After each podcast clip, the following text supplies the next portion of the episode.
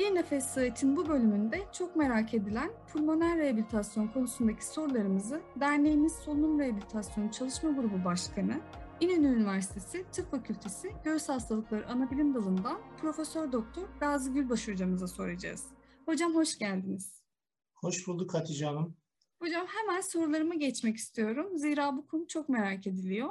Pulmoner rehabilitasyon nedir? Pulmoner rehabilitasyon aslında tıp tarihini düşündüğümüzde son zamanlarda, son belki 30-40 yıl içerisinde yıldızı parlayan bir tedavi yaklaşımı. Pulmoner rehabilitasyondan kasıt modern anlamda pulmoner rehabilitasyon dediğimizde aklımıza kronik solunum hastalığı olan bireylerin fiziksel ve ruhsal durumlarını düzeltmeyi ve sağlığı geliştirici uzun dönem kalıcı davranışları sağlamayı hedefleyen göğüs hastalıkları, fizik tedavi uzmanları, fizyoterapistlerin, diyetisyenlerin birden çok bölümü tedavisinde yer aldığı, görev aldığı, hasta değerlendirilmesini takiben bireysel olarak belirlenen egzersiz programı, eğitim ve davranış değişikliği gibi yaklaşımları içeren kapsamlı tedavi yaklaşımlarının bütünüdür. Tıp tarihi de bu tedavi yaklaşımının önemini kavramakta, anlamakta oldukça geç kaldı. İlk defa 1969'da yararını gösteren klinik çalışma yayımlandı. Modern anlamda bir rehabilitasyon yaklaşımı, pulmoner rehabilitasyon yaklaşımı geliştirildi ve bugün dünyada giderek önemi anlaşılmaya başlandı. Çok teşekkürler hocam. Pulmoner rehabilitasyonu siz klinikte çok fazla kullanıyorsunuz muhtemelen ama bugün size hazırladığım sorularda genellikle COVID ile ilgili sorular olacak. COVID-19'un evet. uzun dönem sorunları nelerdir? Öncelikle bu soruyu yöneltmek istiyorum. Evet, bilgiler netleşmeye başladıkça ve geçmişteki bu virüsün akrabalarının yapmış olduğu salgınlar, işte SARS salgını 2006'daki 2012'deki MERS-CoV salgını bize bu virüsün yaptığı salgının e, ve bu virüsün etkilediği kişilerin uzun dönem bir takım etkilerinin ortaya çıktığını gösterdi bize bu salgın. Pandemi başladığından itibaren baktığımızda giderek uzun döneme dair bir takım etkileri biz de görüyoruz hastalarımızda. Bu defa uzun döneme dair bir takım tanımlamalar, kavramlar ortaya çıktı. Mesela akut COVID'den kasıt, erken COVID'den kasıt 4 haftaya kadar olan belirti ve bulguları tanımlıyor. İngiliz rehberi bu anlamda yayınlanan rehber. Devam eden semptomatik COVID, belirtileri devam eden COVID'den kasıt 4 haftayla 12 haftalık bir süreyi kapsıyor. Bir de geç COVID sendromu diye bir şey tanımlandı. Bu da 12 haftadan uzun süren ve başka hastalıklarla izah edilemeyen şikayetlerin, belirtilerin ve bulguların olması olarak tanımlanıyor. Şimdi hal böyleyken hastaların diyebilirim ki yüzde onunda hastalığı geçiren bir şekilde virüsü alan, hastalanan bireylerin yüzde onunda belirtiler uzun dönem devam ediyor. En çok neler oluyor? Baş ağrısı, dikkat bozukluğu, özellikle kadınlarda saç dökülme uzun dönemde ortaya çıkabiliyor. Sistemlere göre gidecek olursak yorgunluk, ateş, ağrı gibi genel şikayetler olabiliyor. Solunum sisteminin tutulmasına bağlı öksürük, nefes darlığı, göğüs ağrısı olabiliyor. Kalpte kalp kası iltihaplanması ve kalp sarı iltihaplanmasına bağlı göğüste sıkışma, çarpıntı, kalp ritim bozuklukları ortaya çıkabiliyor.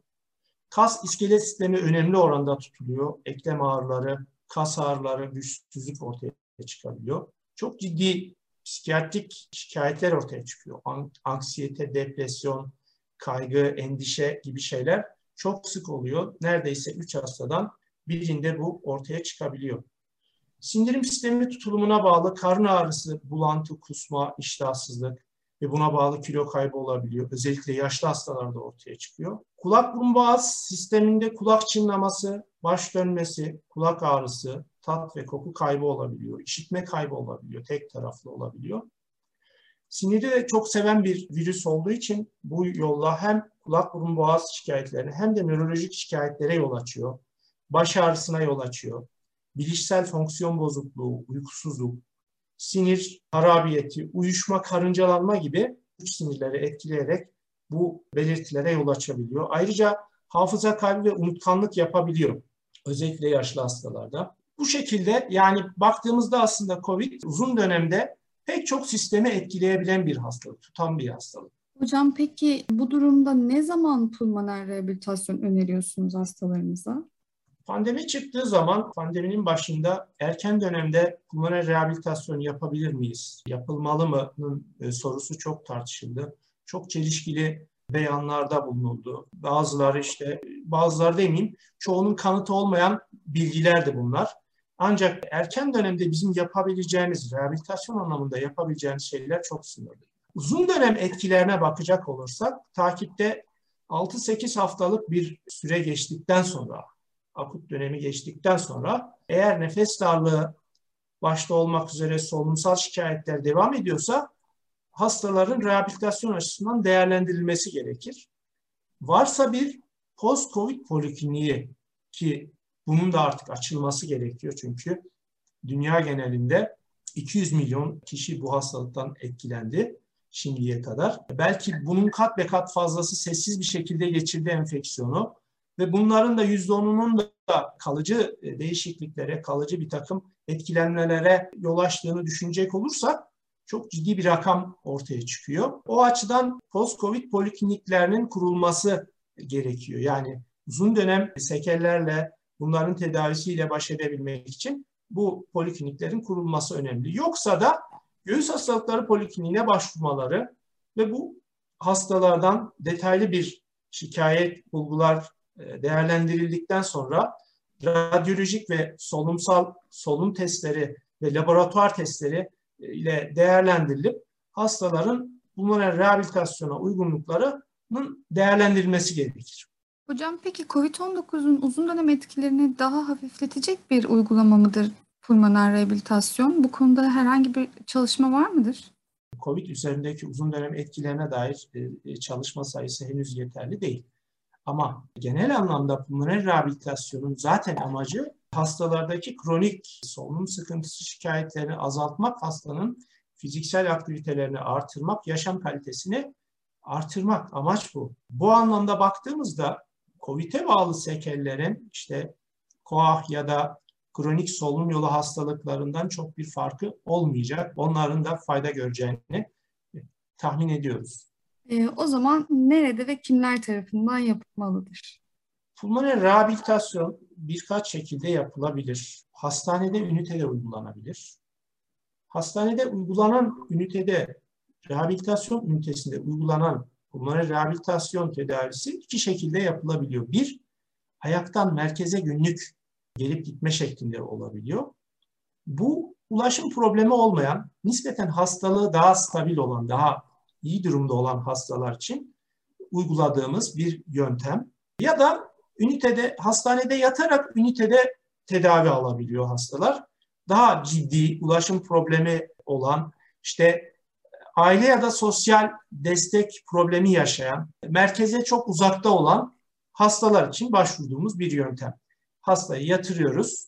Tabii tedavi süresi çok uzun oluyor. Hastanın e, programına göre değişiyor. 6 ile 12 hafta kadar sürebiliyor bu tedavi yaklaşımı. Birincisi dedik hastanede, rehabilitasyon ünitesinde yapılan rehabilitasyon dedik. İkincisi evde yapılabilir.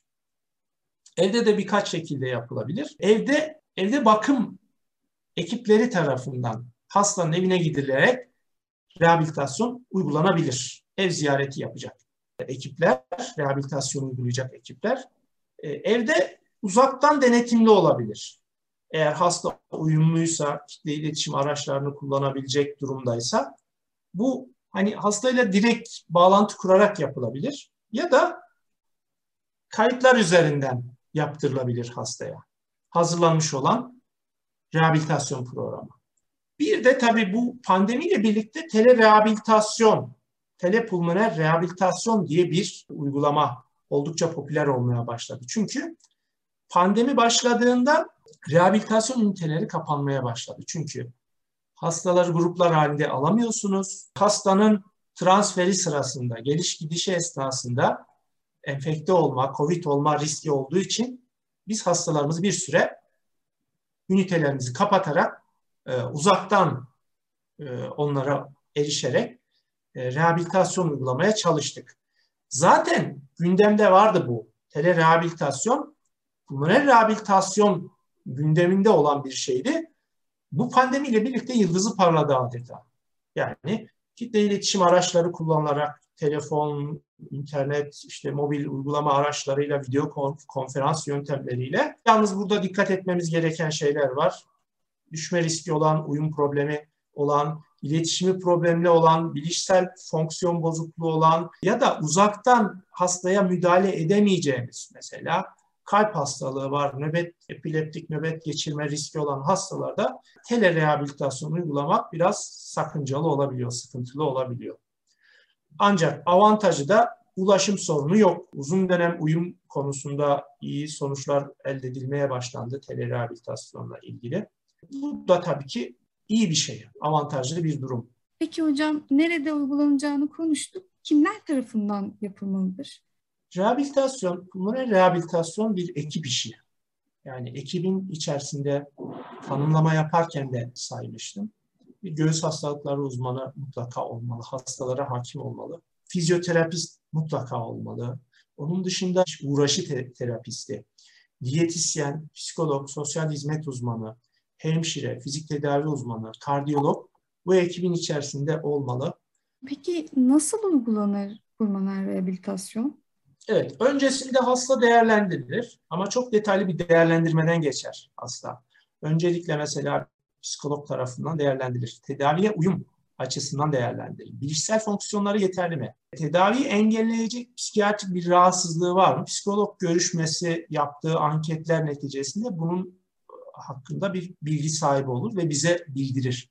Mesela bizim ünitemizde mesela Malatya'da İnönü Üniversitesi bünyesinde göğüs hastalıkları e, ana bilim dalı bünyesinde pulmoner rehabilitasyon e, ünitemiz var, merkezimiz var. Tabii ki bu küçük yerlerde bu tür insanları rehabilitasyon ünitesinde istihdam etmek çok zor.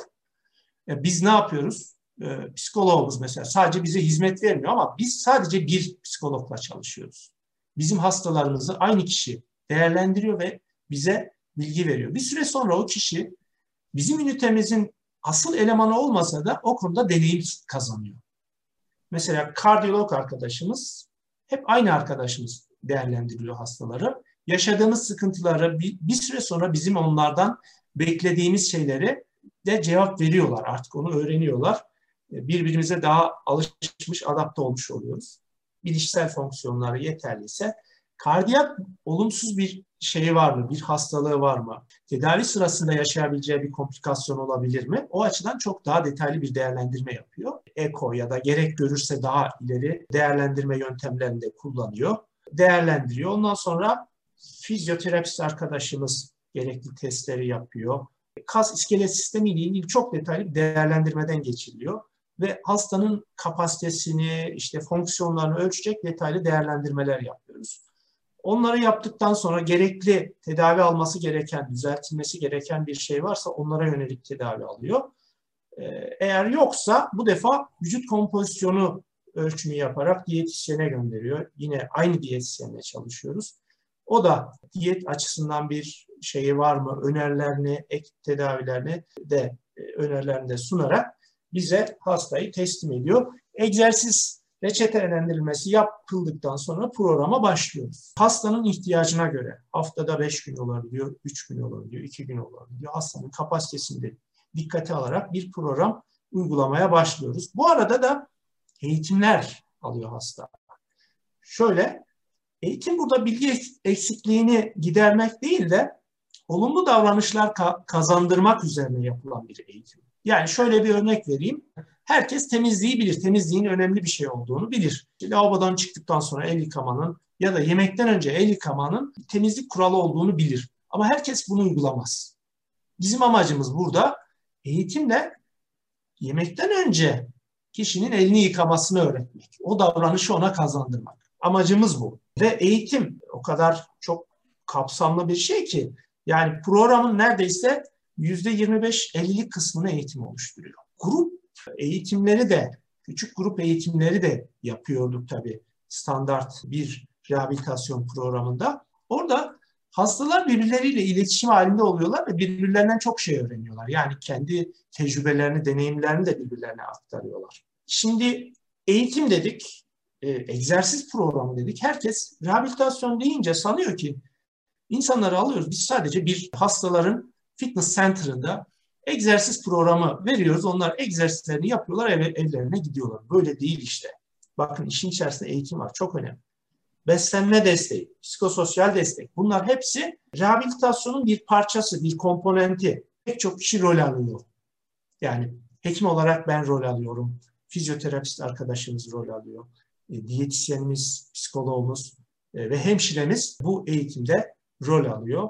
Aslında dört tane hasta bir e, rehabilitasyon ünitesinde programa alınıyor ama dördünün de ihtiyaçları birbirinden farklı. Dördüne uygulanan programda birbirinden farklı oluyor bu şekilde. Hocam Covid döneminde şimdi grup halinde olamıyorlar galiba. Maalesef, maalesef. Yani bu pandemiyi geçirdikten sonra belki normale döneceğiz. Yani pandemi süreci geçtikten sonra Covid'in uzun dönem etkilerine dair de çalışmalarımız olacak. Belki grup tedavilerine geçeceğiz. Ama bu haliyle ne yapıyoruz? Şu an rehabilitasyon ünitemizi tam kapattık diyemem ama bir hastayı alıyoruz. Bir hastayı alırken ikinci hastayı aynı anda ünitede tedaviye almıyoruz. Ne yapıyoruz? O hastanın işi bitiyor, işte temizleniyor.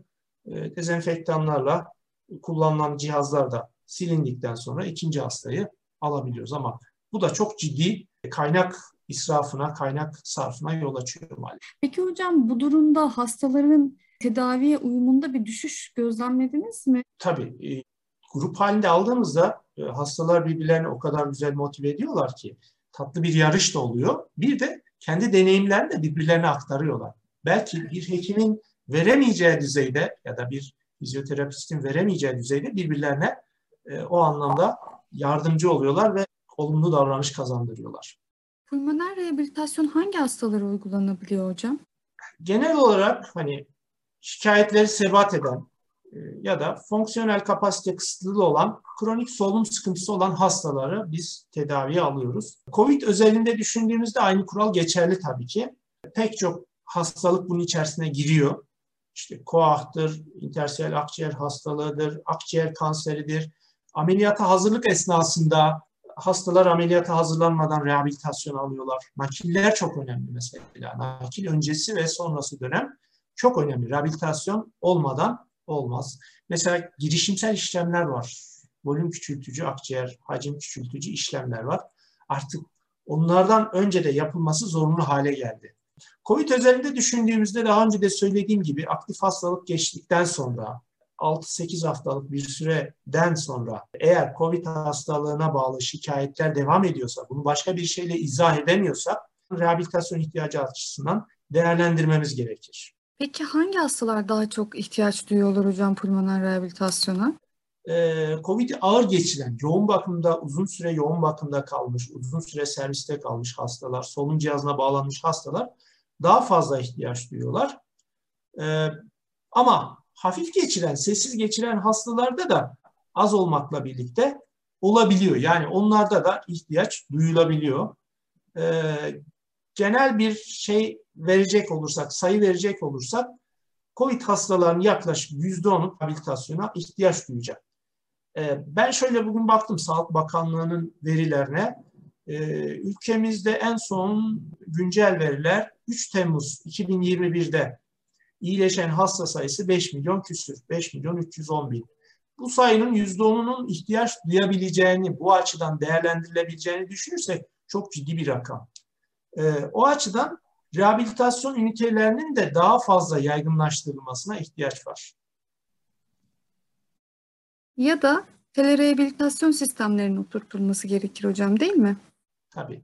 O hizmeti verecek ekiplerin de olması gerekir. Evet. Yani bu konuda hizmet verecek, bunun altyapısının oluşturulması lazım, bunun e, sosyal prosedürlerinin oluşturulması gerekir. Bu çok önemli bir konu. E, Sağlık Bakanlığı'nın bir an önce bunları da planlaması gerekir. Evet hocam. E, peki COVID-19 geçiren hastalara önerileriniz nelerdir? Şikayetleri devam ediyorsa mutlaka bunların rehabilitasyon açısından e, ilgili birimlere, post-COVID poliklinikleri olabilir ya da göğüs hastalıkları polikliniklerine başvurmalarını öneririm. Bir de günlük aktivitelerini e, artırmalarını, yaşam tarzı değişikliklerini yapmalarını öneririm. Yani daha aktif bir yaşam sürmelerini isterim. Diyetlerine dikkat etmelerini öneririm. Yani günlük yürüyüş yapmalarını öneririm. Sakin, kalabalık olmayan ortamlarda, açık, temiz havanın olduğu ortamlarda e, yürümelerini öneririm. E, aşı zamanları geldiği zaman da aşılarını yaptırmalarını öneririm. Bu da çok önemli. Bir süre sonra onların da aşı ihtiyacı doğacaktır. Hocam aşılarla ilgili çok fazla bilgi kirliliği var ve dünya genelinde azımsanmayacak sayıda aşı karşıtlığı da mevcut. Bu konuda sizin görüşleriniz nelerdir? Şimdi aşılar hayatımıza yeni girmedi. Yani 100 yılı aşkın süredir yapılıyor ve kitlesel bir şekilde aşılanıyor. Bu şekilde aşılamalar sayesinde bulaşıcı hastalıklar önemli ölçüde azaldı. Özellikle çocukluk çağı, bebek ölüm hızları oldukça ve çocuk ölüm hızları oldukça azaldı. E, tabii e, baktığımızda en e, kısa sürede üretilen aşının e, üretilme süresi işte 7-8 yılı bulmuş. E, pandemiyle birlikte hızlı bir şekilde e, aşı üretimi başlanmış çünkü panik halinde. E, ve yeni metotlarla üretilmiş aşıların olması ve virüsün laboratuvar e, ortamında üretilmiş olma olasılığı gibi e, gerekçelerle aşılara bir güvensizlik var. E, mesela aşıların kısırlaştırıldığı öteden beri mesela benim aile hekimliği döneminde bile bunlar e, gündeme gelirdi. Halbuki böyle bir şey yok. Yani aksine geçen yakın zamanda bir bilimsel çalışma yayınlandı. Aşı spermlerin yani üreme e, şeylerinin, hücrelerinin e, hareketliliğini ve sayısını artırıyor. Çok enteresan bir şey. Mesela bu, bunu mu söylemek gerekir bilmiyorum. E, enteresan bir şey ortaya çıktı. Yani bırakın kısırlaştırmayı e, bu anlamda bir olumlu bir etkisi bile olabilir diyebiliriz. Maalesef bilgi kirliliği çok. E, her kafadan bir ses çıkıyor. E, ama e, insanlara şunu tavsiye ederim halkımıza bir şeyleri ortaya sunan insanlar gerçekten bu işin uzmanları mı? Ona bakmalarını öneririm. Evet, e, yan etkileri olacak. Yan etkileri olacak. Ama ıı, hastalıktan daha fazla etki oluşturmayacak bu yan etkiler. E, elimizde virüsü yok edecek direkt mesela domuz gribinde mesela böyle bir e, ilaç bulundu. Elimizde böyle bir şey yok. Böyle bir silah yok. Aşıdan başka şeyimiz yok çaremiz yok. Toplumsal bir bağışıklık oluşturmak zorundayız. Onun için herkesin sorumlu bir şekilde davranmasını öneririm. Zaten yakın zamandaki elimizdeki şeyler e, hastanede yatan, yoğun bakımda yatanların büyük bir kısmının aşılanmayan insanlar olduğunu görüyoruz. E, o açıdan e, aşıya güvenmelerini, aşı yaptırmalarını öneririm. Peki hocam sadece aşı, aşı yaptırmak yeterli olur mu? Bu konuda hastalığa yakalanmamış bireylere önerileriniz nelerdir? Tabii ki sadece aşı yaptırmak yeterli değil. Ee, bununla ilgili çok güzel bir örnek var. İsviçre peyniri modeli. Bilmiyorum duydunuz mu şimdiye kadar? Aslında bu bir sigorta sistemindeki riske yönelik oluşturulmuş bir modellemedir İsviçre peyniri yöntemi. İsviçre peyniri dilimlenmiştir. Ee, ve o dilimin üzerinde küçük küçük delikler var. Anlatabiliyor muyum Hatice Hanım? Evet, evet. O her bir ön, her bir önlem bireysel ya da toplumsal. Mesela maske takmak bir önlem. Peynirin bir dilimini temsil ediyor. Maske takmanın dezavantajları, açık noktaları da var. El hijyeni, her bir önlem bir dilim. Her birinin üzerinde farklı delikler var. Yani bütün önlemleri yaptığımız zaman her bir önlemin avantajı öbür önlemin dezavantajını kapatacak. Peynirin dilimlerini birleştirdiğimizde biz bütün önlemlerle bu hastalığa karşı korunmuş olacağız. E, aşı da bunun bir parçası. Ama sadece aşı yeterli değil. Aşı olan bir kişi tamamen hastalığa karşı korunmayacak. Yani bulaşı azaltmayacak. Hastalığı hafif geçirmesini sağlayacak. İşte hastaneye yatışını, yoğun bakımda yatışını engelleyecek. Bütün önlemlerin beraber uygulanması lazım. Aşı oldum diye bireylerin diğer önlemleri bir kenara bırakmaması gerekiyor. Bütün önlemlere riayet etmekle bu e, korunma gerçekleşecek. Tam anlamıyla korunma sağlanmış olacak. Hocam verdiğiniz bu örnek için çok teşekkürler. Açıkçası ben de kendi adıma daha önce bu şekilde anlatıldığını duymamıştım. Kafamızda oluşturduğumuz maske, mesafe, hijyen e, ve aşı yaptırma modelini çok güzel, kompakt bir şekilde anlatmış oldunuz. Umuyorum ki aklında soru işareti olan birçok dinleyicimize de bir ışık olmuş olur ve kafalarındaki soru işaretlerini de gidermiş oluruz. E, aşılara ben bir daha vurgu yapmak istiyorum. Aşıların mesela mRNA aşısına bağlı miyokardit, kalp kası iltihabı ihtimaline bakalım. Bakın 12, e, milyonda 12.6. Bakın kalp kası iltihabına yol, yol açma oranı o kadar. Bakın geçmişte siz penisilin yaptırdınız mı çocukluğunuzda? Boğazınız şişip de penisilin yaptırdınız mı? Evet, yaptık. Yaptırmışızdır değil mi? Penisiline bağlı anafilaktik reaksiyon gelişme ihtimali ne kadar biliyor musunuz? 10 binde 1, 5. Bakın aşıya bağlı anafilaksi oranı milyonda 11.1 mRNA aşısına bağlı. Anafilaksi yapıyor diye annemiz babamız bize penisilini yaptırmaktan imtina etmedi. Yani bu şeye benziyor.